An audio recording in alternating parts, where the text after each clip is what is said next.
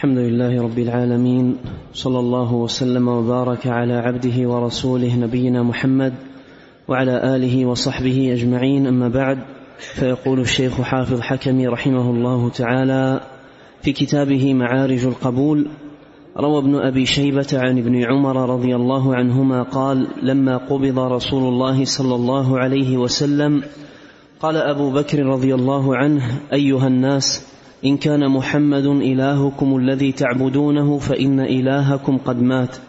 وإن كان إلهكم الله الذي في السماء فإن إلهكم لم يمت ثم تلا. وما محمد إلا رسول قد خلت من قبله الرسل حتى ختم الآية.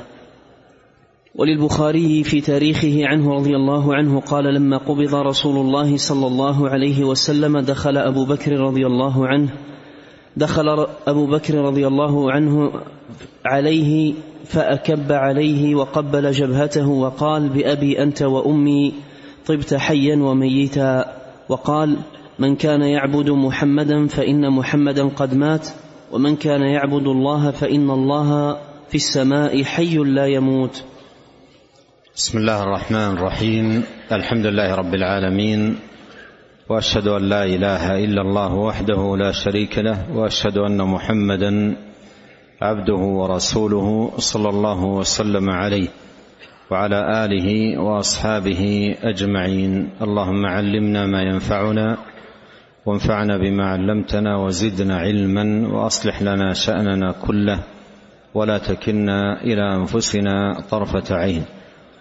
أما بعد لما أنهى المصنف رحمه الله تعالى سوق أنواع الأدلة على علو الله سبحانه وتعالى أتبع ذلك بنقل الآثار عن الصحابة الكرام بدءا بالخلفاء الراشدين ثم من اتبعهم بإحسان رضي الله عنهم وأرضاهم.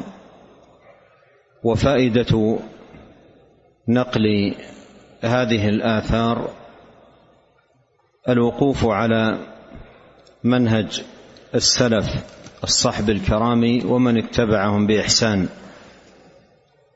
فإن الواجب على الأمة أن تكون في منهجها في فقه النصوص وفهمها سائرة في ضوء فقه الصحابة ومن اتبعهم بإحسان. والصحابة رضي الله عنهم هم من شهدوا التنزيل وتلقوا عن النبي عليه الصلاة والسلام مباشرة فسمعوا حديثه ورأوا أعماله وشاهدوا خلقه فتأسوا به صلوات الله وسلامه عليه خير تأس. فكانوا قدوة لما لمن بعدهم.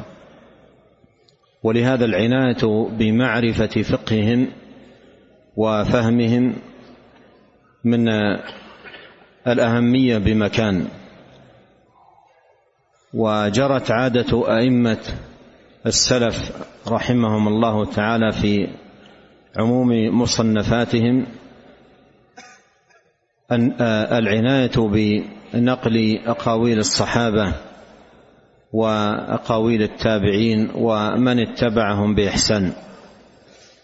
ومن فائدة هذه النقول أن يعلم المرء أن الصحابة ومن اتبعهم بإحسان مع نصوص الصفات عامة تلقيها منهجهم فيها تلقيها بالقبول. والإيمان وإمرارها كما جاءت والإيمان بها كما وردت. ومن فائدة ذلك أيضا أن يدرك أن الصحابة رضي الله عنهم فقهوا معاني نصوص الصفات فآمنوا بها خلافا لمن يدعي أن الصحابة آمنوا بألفاظها فقط ولا يفهمون شيئا من معناها. كمن ينسب إليهم زورا وبهتانا التفويض لمعاني صفات الله سبحانه وتعالى. الحاصل أن هذه النقول نقول عظيمة جدا ومفيدة ومن المفيد لطالب العلم أن يقف على ما قاله الصحابة وما قاله من اتبعهم بإحسان بشأن آه، نصوص صفات الرب سبحانه وتعالى. والنقل هنا مقتصر على ما يتعلق بإثبات علو الله سبحانه وتعالى.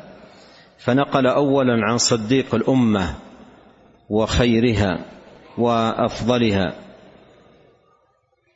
أبي بكر رضي الله عنه وأرضاه في قصة وفاة النبي عليه الصلاة والسلام.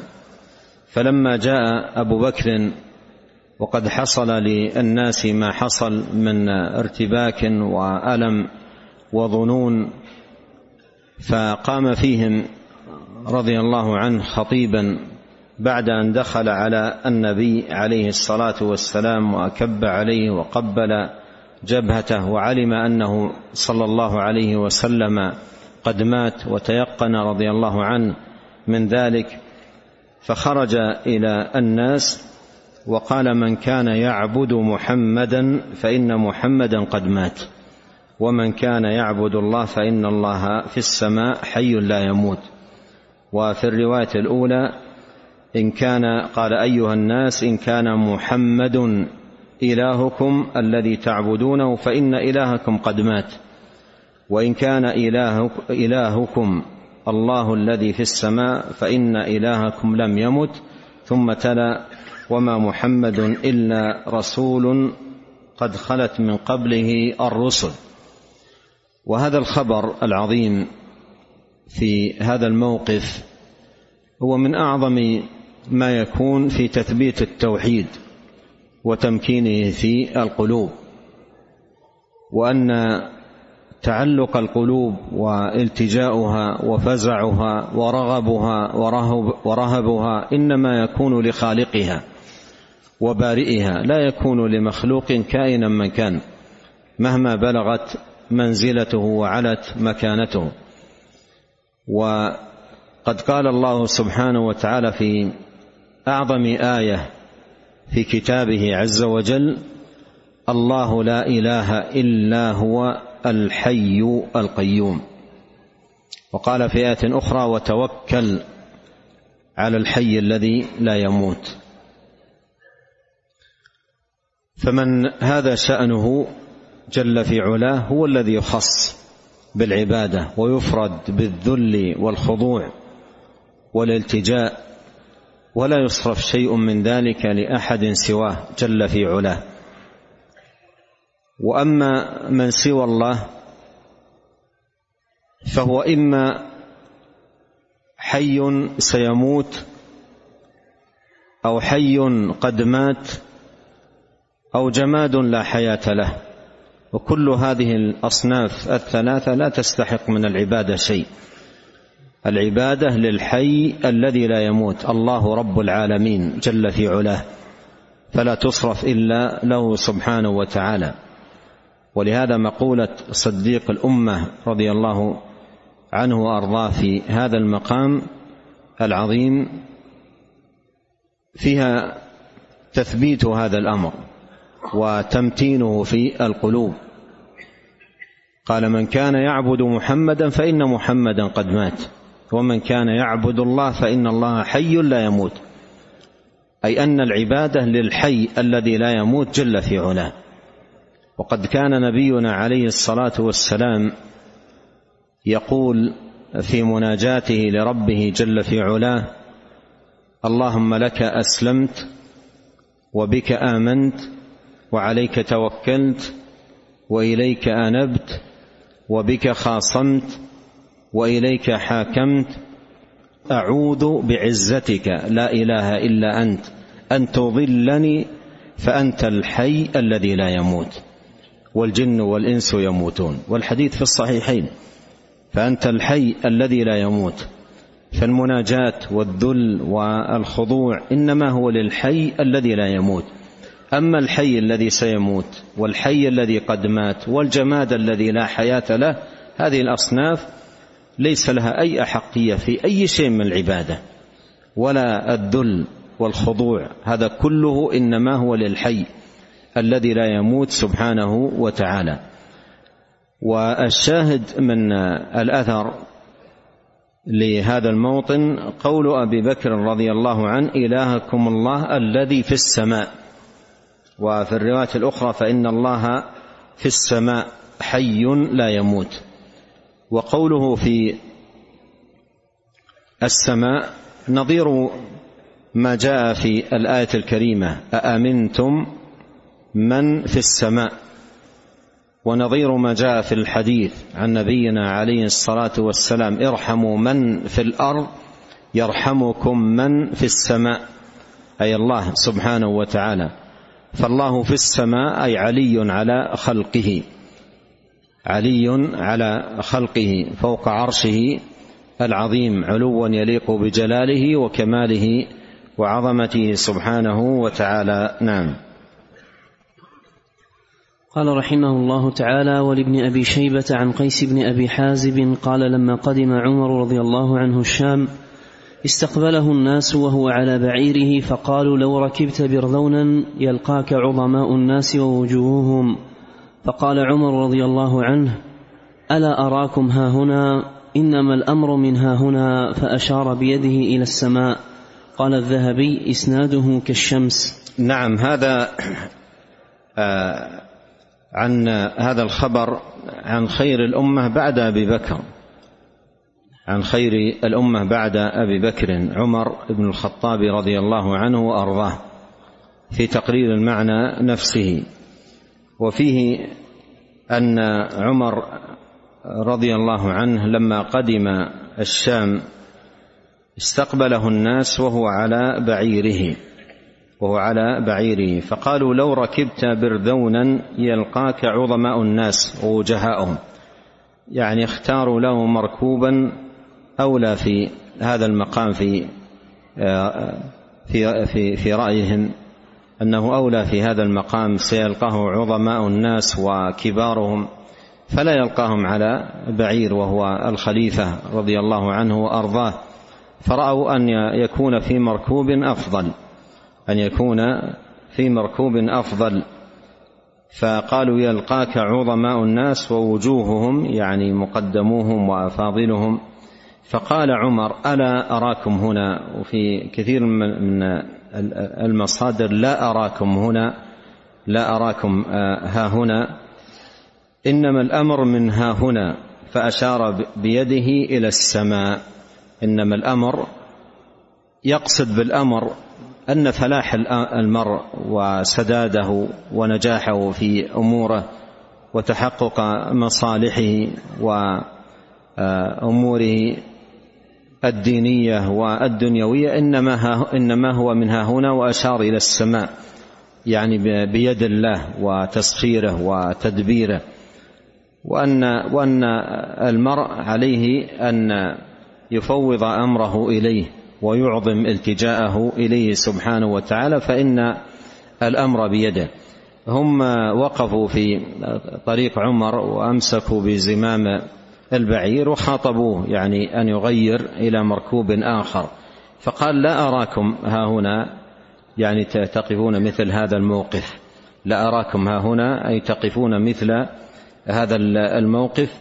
إنما الأمر من ها هنا يعني أمور العباد كلها بيد الله سبحانه وتعالى. فأشار بيده إلى السماء وقال خلوا سبيل جملي. كما جاء في المصادر قال خلوا سبيل جملي لأنهم وقفوا وأمسكوا بالجمل واقترحوا عليه أن يغيره إلى البردون. فقال لهم آه، رضي الله عنه ما قال والشاهد إشارته بيده إلى السماء من ها هنا أي الله سبحانه وتعالى العلي جل في علاه. نعم. قال رحمه الله تعالى وروى الزهري عن سالم أن كعبا قال لعمر رضي الله عنهما ويل لسلطان الأرض من سلطان السماء فقال عمر رضي الله عنه إلا من حاسب نفسه فقال كعب إلا من حاسب نفسه فكبر عمر ثم خر ساجدا. نعم هذا الخبر عظيم جدا المحاورة بين كعب وعمر. قال أن كعبا قال لعمر ويل لسلطان الأرض من سلطان السماء. سلطان الأرض يعني من بيده سلطة. من بيده سلطة في الأرض من ملك أو رئاسة أو نحو ذلك. قال ويل لسلطان الأرض من سلطان السماء. أي الله سبحانه وتعالى.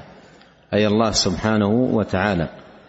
قال ويل لسلطان الأرض من سلطان السماء. وهذا موضع الشاهد من سلطان السماء أي الذي في السماء جل في علاه. فقال عمر إلا من حاسب نفسه. يعني لا يشمله الويل والتهديد والعقوبة. إلا من حاسب نفسه أي ينجو. إلا من حاسب نفسه أي ينجو من ذلك. قال إلا من حاسب نفسه. فقال كعب إلا من حاسب نفسه فكبر عمر ثم خر ساجدا لله سبحانه وتعالى.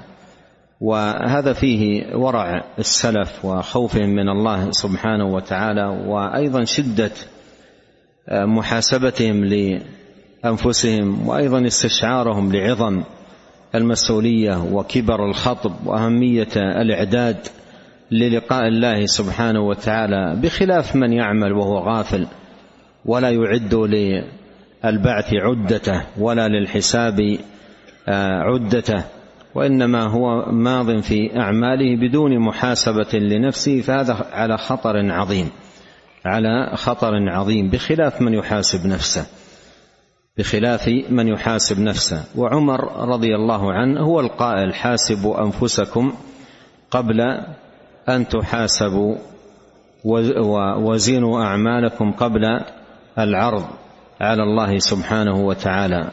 نعم. قال رحمه الله تعالى وعن عبد الرحمن بن غنم قال سمعت عمر بن الخطاب يقول ويل لديان الأرض من ديان السماء يوم يلقونه إلا من أمر بالعدل فقضى بالحق ولم يقض على ولم يقض على هوى ولا قرابه ولا على رغبة ولا رهب وجعل كتاب الله مرآة بين عينيه. قال ابن غنم فحدثت بهذا عثمان ومعاوية ويزيد وعبد الملك. رواه أبو نعيم. نعم وهذا يرويه عبد الرحمن بن غنم عن عمر بن الخطاب أنه قال ويل لديان الأرض من ديان السماء. الديان المراد به من يقضي ويحكم بين الناس ديان الأرض. الديان هو المجازي المحاسب الذي يقضي بين الناس. فمن كان كذلك فويل له يوم يلقى الله سبحانه وتعالى. ويل لديان الأرض من ديان السماء يوم يلقونه أي يوم يلقون الله سبحانه وتعالى. إلا من أمر بالعدل فقضى بالحق. من قضى بالحق وجعل كتاب الله نصب عينيه فلا لم يقضي لا بهوى ولا لقرابة ولا على رغبة ولا على رهبة وإنما قضى بالعدل فهذا ينجو يوم القيامة وإلا كان من الهالكين. نعم. قال رحمه الله تعالى وعن أبي يزيد المدني قال لقيت لقيت عمر امرأة يقال لها خولة بنت ثعلبة فقال عمر هذه امرأة سمع الله شكواها من فوق سبع سماوات. قال الذهبي هذا إسناد صالح فيه انقطاع. أبو يزيد لم يلحق عمر رضي الله عنه. وفي لفظ عمر رضي الله عنه أنه مر بعجوز فاستوقفته فوقف يحدثها فقال رجل يا أمير المؤمنين حبست الناس على هذه العجوز؟ فقال ويلك أتدري من هي؟ هذه امرأة سمع الله شكواها من فوق سبع سماوات. هذه خولة التي أنزل الله فيها قد سمع الله قول التي تجادلك في زوجها. وهذا الحديث رواه عثمان بن سعيد الدارمي وقال ابن عبد البر حدثنا من وجوه عن عمر رضي الله عنه فذكره. نعم الشاهد منه من فوق سبع سماوات. قول عمر رضي الله عنه من فوق سبع سماوات. سمع شكواها أي المرأة المجادلة التي جاءت تجادل في في في تجادل النبي عليه الصلاة والسلام في زوجها وتشتكي آه، إلى الله سبحانه وتعالى. فأنزل الله سبحانه وتعالى في أمر شكواها من فوق سبع سماوات آه، قوله جل في علاه قد سمع الله قول التي تجادلك في زوجها وتشتكي إلى الله. والله يسمع تحاوركما. إن الله سميع بصير. وعائشة رضي الله عنها كانت في البيت فتسمع بعض الكلام ويفوت عليها بعضه. فلما نزلت هذه الآية قالت سبحان من وسع سمعه الأصوات. سبحان من وسع سمعه الأصوات. نعم. قال رحمه الله تعالى ومن شعر عبد الله بن رواحة رضي الله عنه شهدت بأن وعد الله حق وأن النار مثوى الكافرين وأن العرش فوق الماء طاف وفوق العرش رب العالمين وتحمله ملائكة كرام ملائكة الإله مسومين. قال ابن عبد البر في الاستيعاب رويناه من وجوه صحاح. نعم هذه الأبيات جميلة وحسنة في تقرير آه، العلو وإثباته واستواء الرب سبحانه وتعالى على عرشه وأن وأن العرش له حملة من الملائكة ويحمل عرش ربك فوقهم يومئذ ثمانية فهو عظيم في تقرير هذه المعاني. نعم. قال رحمه الله تعالى وروى الدارمي عن ابن مسعود رضي الله عنه قال ما بين السماء الدنيا والتي تليها خمسمائة عام وبين كل سماء مسيرة خمسمائة عام وبين السماء السابعة وبين الكرسي خمسمائة عام وبين الكرسي إلى الماء مسيرة خمسمائة عام والعرش على الماء والله تعالى فوق العرش وهو يعلم ما أنتم عليه. نعم ثم أورد هذا الأثر عن عبد الله بن مسعود آه، في ذكر المسافات بين السماء الدنيا والتي تليها وما بين كل سماء و السماء وما بين السماء السابعه والكرسي وما بين الكرسي إلى الماء والعرش. وهذا فيه أن من فقه السلف أن العرش والكرسي مخلوقان. أحدهما دون الآخر وهو الكرسي. والله جل وعلا قال عن الكرسي وسع كرسيه السماوات والأرض.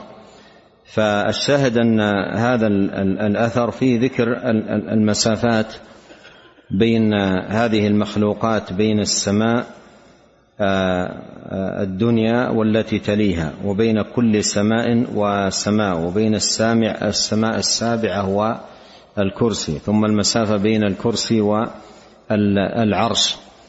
وفي تمام ذلك قال وهو موطن الشاهد والله تعالى فوق العرش.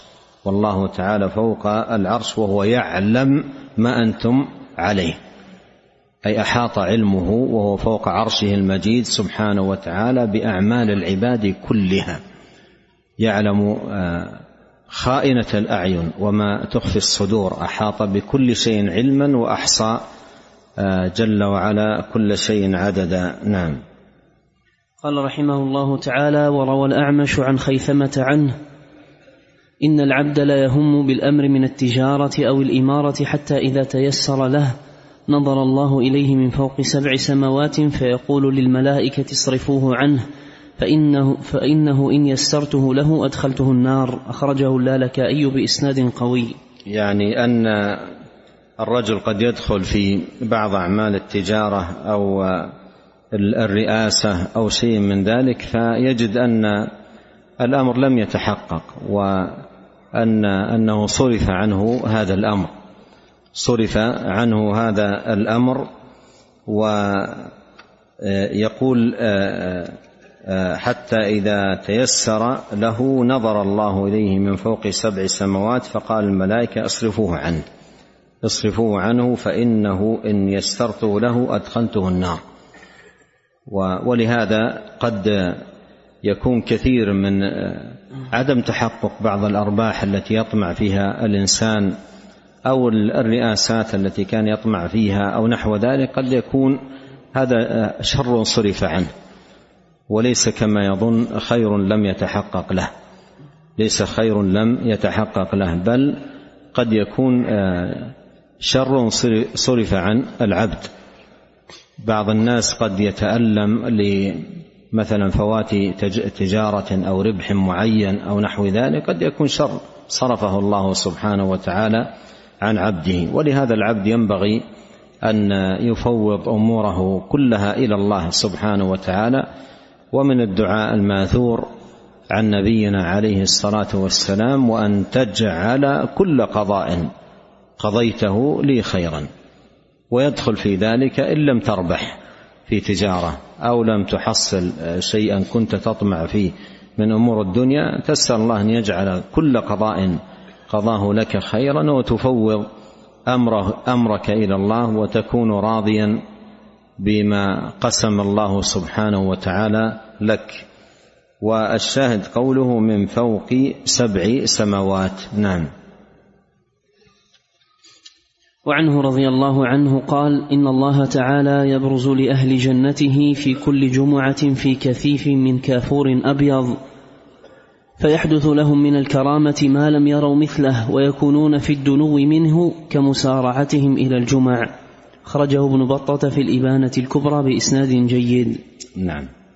وعن علي رضي الله تعالى عنه قال البحر المسجور يجري تحت العرش. نعم. وتقدم حديث أبي هريرة رضي الله عنه وفيه وينزل الله تعالى في ظلل من الغمام من العرش إلى الكرسي. وعن أم سلمة رضي الله عنها في قوله تعالى الرحمن على العرش استوى. قالت الكيف غير معقول. والاستواء غير مجهول والإقرار به إيمان والجحود به كفر. قال الذهبي هذا القول محفوظ عن جماعة كربيعة الرأي ومالك الإمام وأبي جعفر الترمذي فأما أم سلمة فلا يصح لأن أبا كنانة ليس بثقة وأبو, وأبو عمير لا أعرفه. نعم والذي جاء عن أبي جعفر الترمذي يتعلق بالنزول سئل عن النزول فقال مثل ما قال مالك في في الاستواء الماثور عن مالك أنه سئل عن الاستواء فأجاب بهذا الجواب. وأبو جعفر الترمذي سئل عن نزول فأجاب بنحو جواب مالك. أجاب بنحو جواب مالك رحمهم الله أجمعين. وأما عن أم سلمة رضي الله عنها فلا فلم يثبت. نعم. قال رحمه الله تعالى وعن عبد الله بن عمرو رضي الله عنهما قال قالت الملائكة يا ربنا منا الملائكة المقربون ومنا حملة العرش ومنا الكرام الكاتبون وذكر الحديث. قال الذهبي إسناده صالح نعم. وعن عائشة رضي الله عنها قالت وأيم الله إني لأخشى لو كنت أحب قتله لقتلته يعني عثمان رضي الله عنه. ولكن علم الله من فوق عرشه أني لم أحب قتله. رواه الدارمي. وعن أسماء بنت عميس أن جعفر رضي الله عنه جاءها إذ هم, إذا إذ هم بالحبشة يبكي فقالت قال رأيت فتى مترفا من الحبشة شابا جسما مر على امرأة فطرح دقيقا كان معها فسفته الريح فقالت أكلك إلى يوم يجلس الملك على الكرسي؟ فيأخذ للمظلوم من الظالم رواه ابن ماجه وغيره.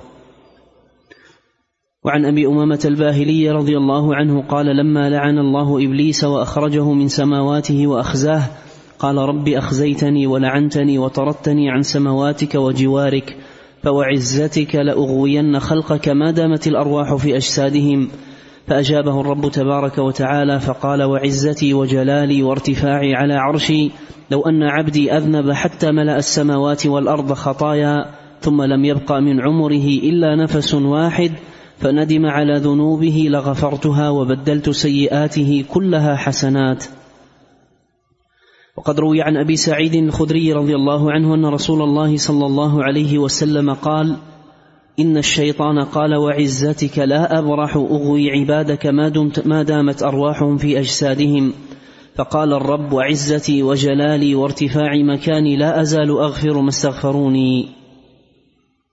وعن ابن عباس رضي الله عنهما قال إن الكرسي الذي وسع السماوات والأرض لموضع قدميه وما يقدر قدر العرش إلا الذي خلقه وإن السماوات في في خلق الرحمن عز وجل مثل قبة في صحراء. رواه عبد الله بن أحمد في كتاب السنة. نعم. وللدارمي عنه رضي الله عنه أنه استأذن على عائشة رضي الله وللدارمي عنه رضي الله عنه أنه استأذن على عائشة رضي الله عنها وهي تموت. فقال كنت أحب نساء النبي صلى الله عليه وسلم إليه ولم يكن رسول الله صلى الله عليه وسلم يحب إلا طيبا. وأنزل الله تعالى براءتك من فوق سبع سماوات جاء بها الروح الأمين فأصبح ليس مسجد من مساجد الله تعالى يذكر فيها إلا هو يتلى فيها أناء الليل وأناء النهار. نعم يعني هذا من الهدي الذي كان عليه السلف آه، رحمهم الله في من حضرته الوفاة. يذكر له بعض أعماله الحسنة أمور مواقفه الطيبة آه، حتى يقوى في تلك اللحظات في قلبه حسن الظن بالله وقوة الرجاء في من عنده فلا يموت إلا وهو حسن الظن بالله سبحانه وتعالى.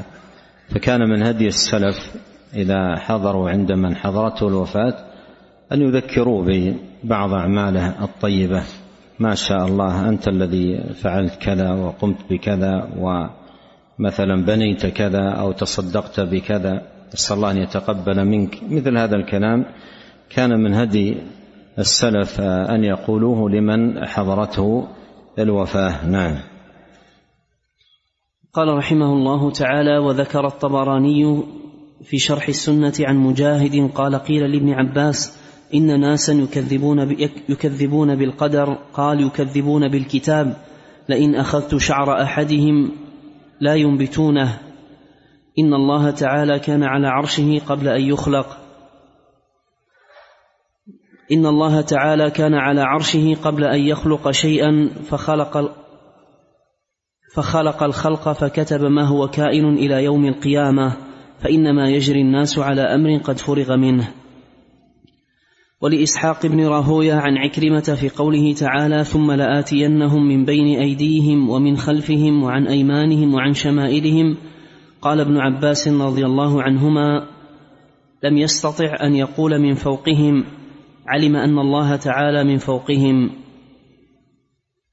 وليحيى بن سعيد الأموي عن عدي بن عن عدي بن عميرة رضي الله عنه قال خرجت مهاجرا إلى النبي صلى الله عليه وسلم فذكر قصة طويلة وقال فيها فإذا هو ومن معه يسجدون على وجوههم ويزعمون أن إلههم في السماء فأسلمت وتبعته. نعم. وأقوال الصحابة في هذا الباب وتفاسيرهم أكثر من أن تحصر وفيما ذكرنا كفاية. نعم ونسأل الله عز وجل أن ينفعنا أجمعين بما علمنا وأن يوفقنا لكل خير. إنه سميع قريب مجيب. نعم. أحسن الله إليكم وبارك فيكم نفعنا الله بما قلتم وغفر الله لنا ولكم وللمسلمين. يقول هذا السائل أثابكم الله نصيحة وتوجيه لمن كان سريع الغضب وكثيرة. جزاكم الله خيرا. النبي عليه الصلاة والسلام وجه من كان كذلك بقوله لا تغضب ف وكررها عليه وقال رضي الله عنه فتأملت ذلك فعلمت أن الغضب جماع الشر. فمن كان سريع الغضب ينصح بهذه النصيحة النبوية لا تغضب. قد قال العلماء إن قول النبي عليه الصلاة والسلام لا تغضب يتناول أمرين. الأمر الأول أن يبعد نفسه عن أسباب الغضب ومواطن الغضب. يبتعد عنها ويجاهد نفسه على البعد عنها حتى لا يقع منه الغضب. ويتناول قوله لا تغضب أن الغضب إذا حصل فعلا أي لا يسترسل معه ولا يتمادى في غضبه بل يتعاطى من الأسباب ما توقف شدة الغضب وفورته. ولهذا جاء في الحديث عن النبي صلى الله عليه وسلم أنه قال إذا غضب أحدكم فليسكت. وجاء في الحديث الآخر قال إذا غضب أحدكم فليجلس فإن سكن غضبه وإلا فليضطجع. هذا كله داخل في قوله لا تغضب. فوقت الغضب ينبغي على الإنسان أن يوقف الحديث لا يتكلم بشيء مطلقا لأن الكلام غير متزن وقت الغضب ولا منضبط. وأيضا عليه في الوقت نفسه أن يبتعد عن القرب من من أغضبه لأنه إذا بقي قريبا ممن أغضبه وجهه إلى وجهه يحصل أمور لا يحمدها قد تمتد يده. وتحصل أمور لا لا, لا يحمدها لكن إذا جلس أو اضطجع أو خرج حتى من المكان إلى مكان آخر تهدأ نفسه. لكن إن بقي وجهه مقابل لوجه من أغضبه وهذا يرفع صوته وهذا أيضا يرفع صوته تحصل أمور التي لا تحمد عقبها. ذهبت أرواح في مثل هذا الموقف كثيرة. أرواح ذهبت كثيرة في مثل هذا الموقف. يقف أمامه هذا غضبان وهذا غضبان ثم يضربه ضربة وتكون قاتلة. ثم بعد ذلك يقول والله هذا الغضب فعل بي ما فعل. ينبغي الانسان فعلا أن أن يتجنب هذا. فإذا كان غضبان يسكت لا يتكلم ابدا ويجلس.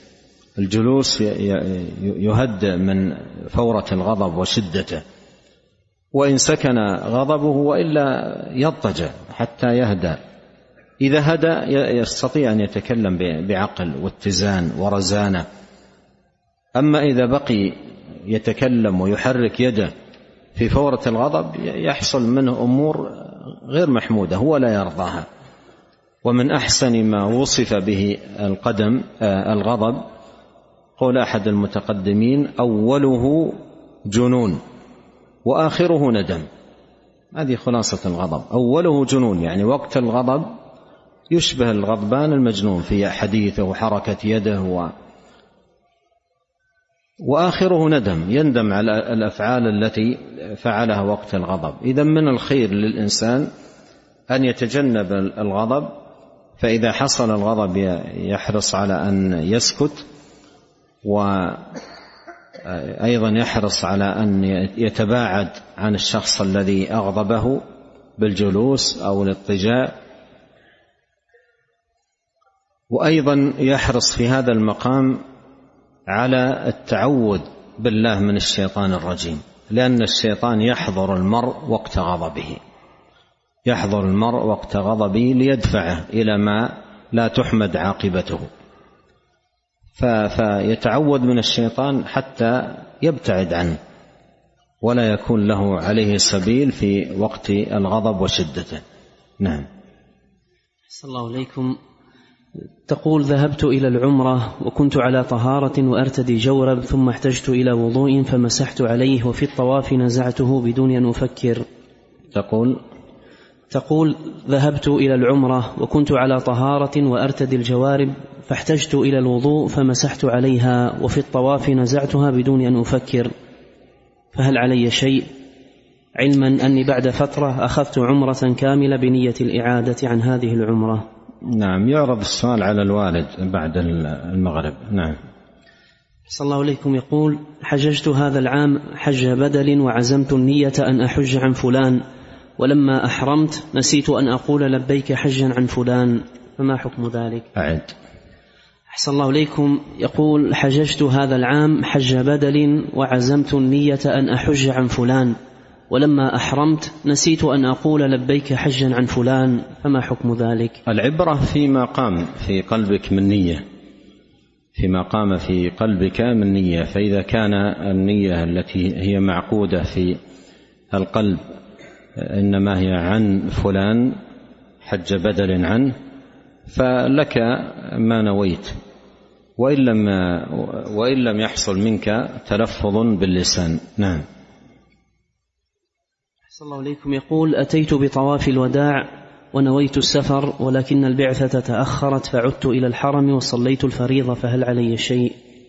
إذا كان الذي أخرك عن السفر البعثة تأخر الباص وليس تفريطا منك فليس عليك شيء. ليس عليك شيء. نعم. صلى الله عليكم يقول ما حكم قراءة سورة الفاتحة للمأموم في الصلاة الجهرية؟ صلاة قراءة الفاتحة آه، للمأموم واجبة. واجبة في الجهرية والسرية. ويقرأها في سكتات الإمام. إذا سكت الإمام يقرأ.